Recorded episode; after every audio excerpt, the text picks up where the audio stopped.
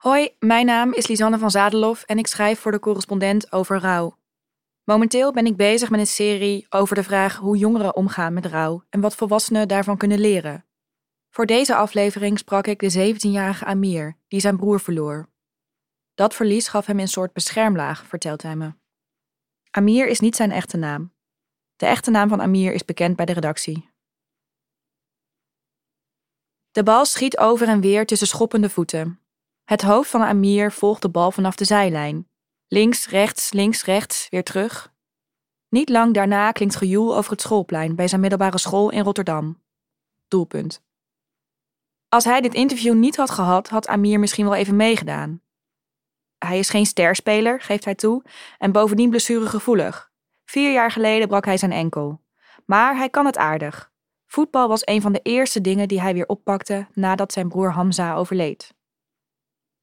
Op 20 mei 2020 kreeg Amir een telefoontje van zijn oudere broer. Niet schrikken, zei hij. Amir schrok. Hun broer Hamza, 28 jaar, was dood aangetroffen in zijn appartement, op een steenworp afstand van hun ouderlijk huis. Hij woonde daar in zijn eentje en had epilepsie, die vermoedelijk was veroorzaakt door een eerder ongeluk met een tram. Die epilepsieaanvallen waren nooit gevaarlijk, tot die nacht. Amir vertelt me ik geloofde het niet. En tegelijkertijd wist ik, dit is de realiteit. Dankzij de islam ben ik van kleins af aan continu geconfronteerd met het idee dat we doodgaan. De Koran benadrukt dat we goed moeten leven voor het leven na die dood. Het leven draait om het hiernamaals. Maar ik had nooit verwacht dat het zo vroeg zou gebeuren, die dood. Inmiddels lopen Amir en ik de lichte gangen van zijn school in. Zijn laatste les is afgelopen. Hij zit op de HAVO.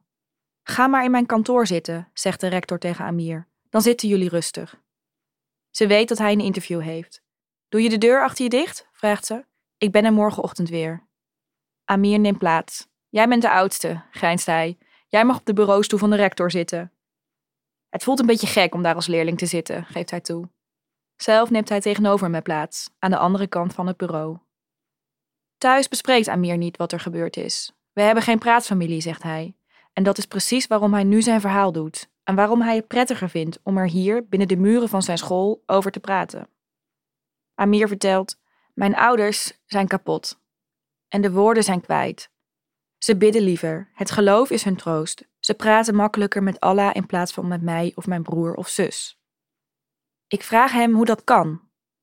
Misschien, zegt hij aarzelend, omdat dat gesprek met God in je hoofd plaatsvindt. Dat is toch veiliger en vertrouwder dan hardop.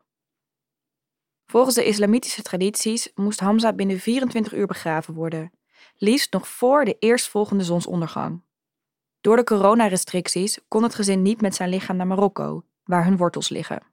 Hij is hier net buiten Rotterdam op een islamitische begraafplaats begraven, zegt Amir.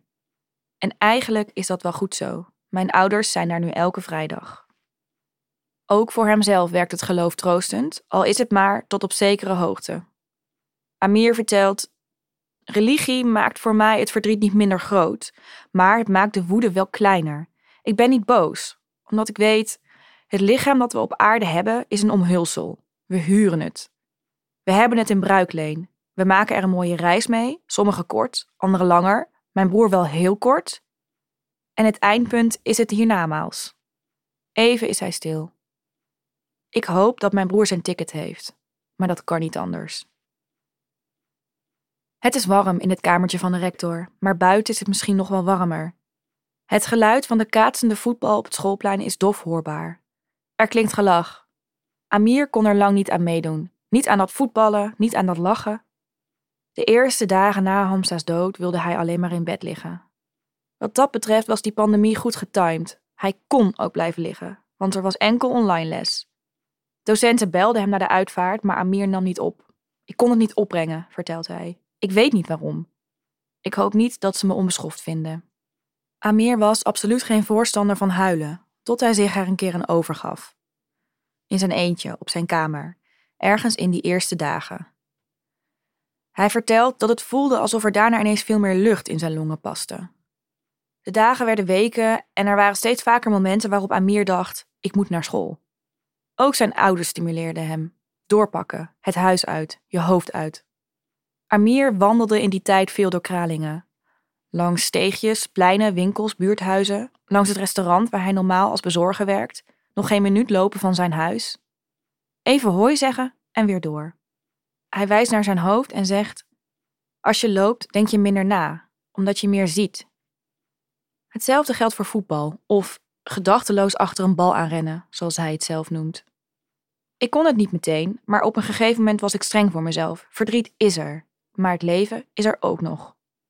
Hij wil na de HAVO iets met rechten gaan doen. Zijn cijfers zijn goed.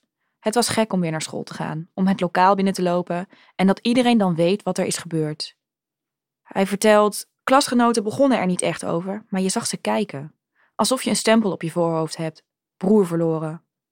Je bent als het ware een ander persoon geworden. Alsof je opnieuw geboren wordt.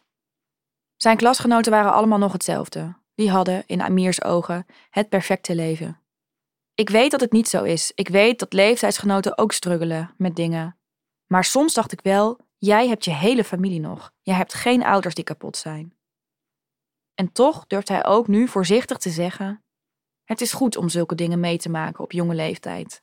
Kijk, begrijp me niet verkeerd. Als Amir had mogen kiezen, dan koos hij 100% voor het leven met zijn broer. Zijn broer had 80 mogen worden, 85 misschien wel. Maar het verlies bezorgde Amir een soort van tweede huid, een beschermlaag. Hij vertelt: Ik weet nu hoe ik het verdriet moet handelen. Hij klakt een paar keer met zijn tong. Dan zegt hij: Ik ben heel graag alleen. Ik verwerk het meest in mijn eigen space. Op mijn kamer of tijdens mijn gebeden in de moskee.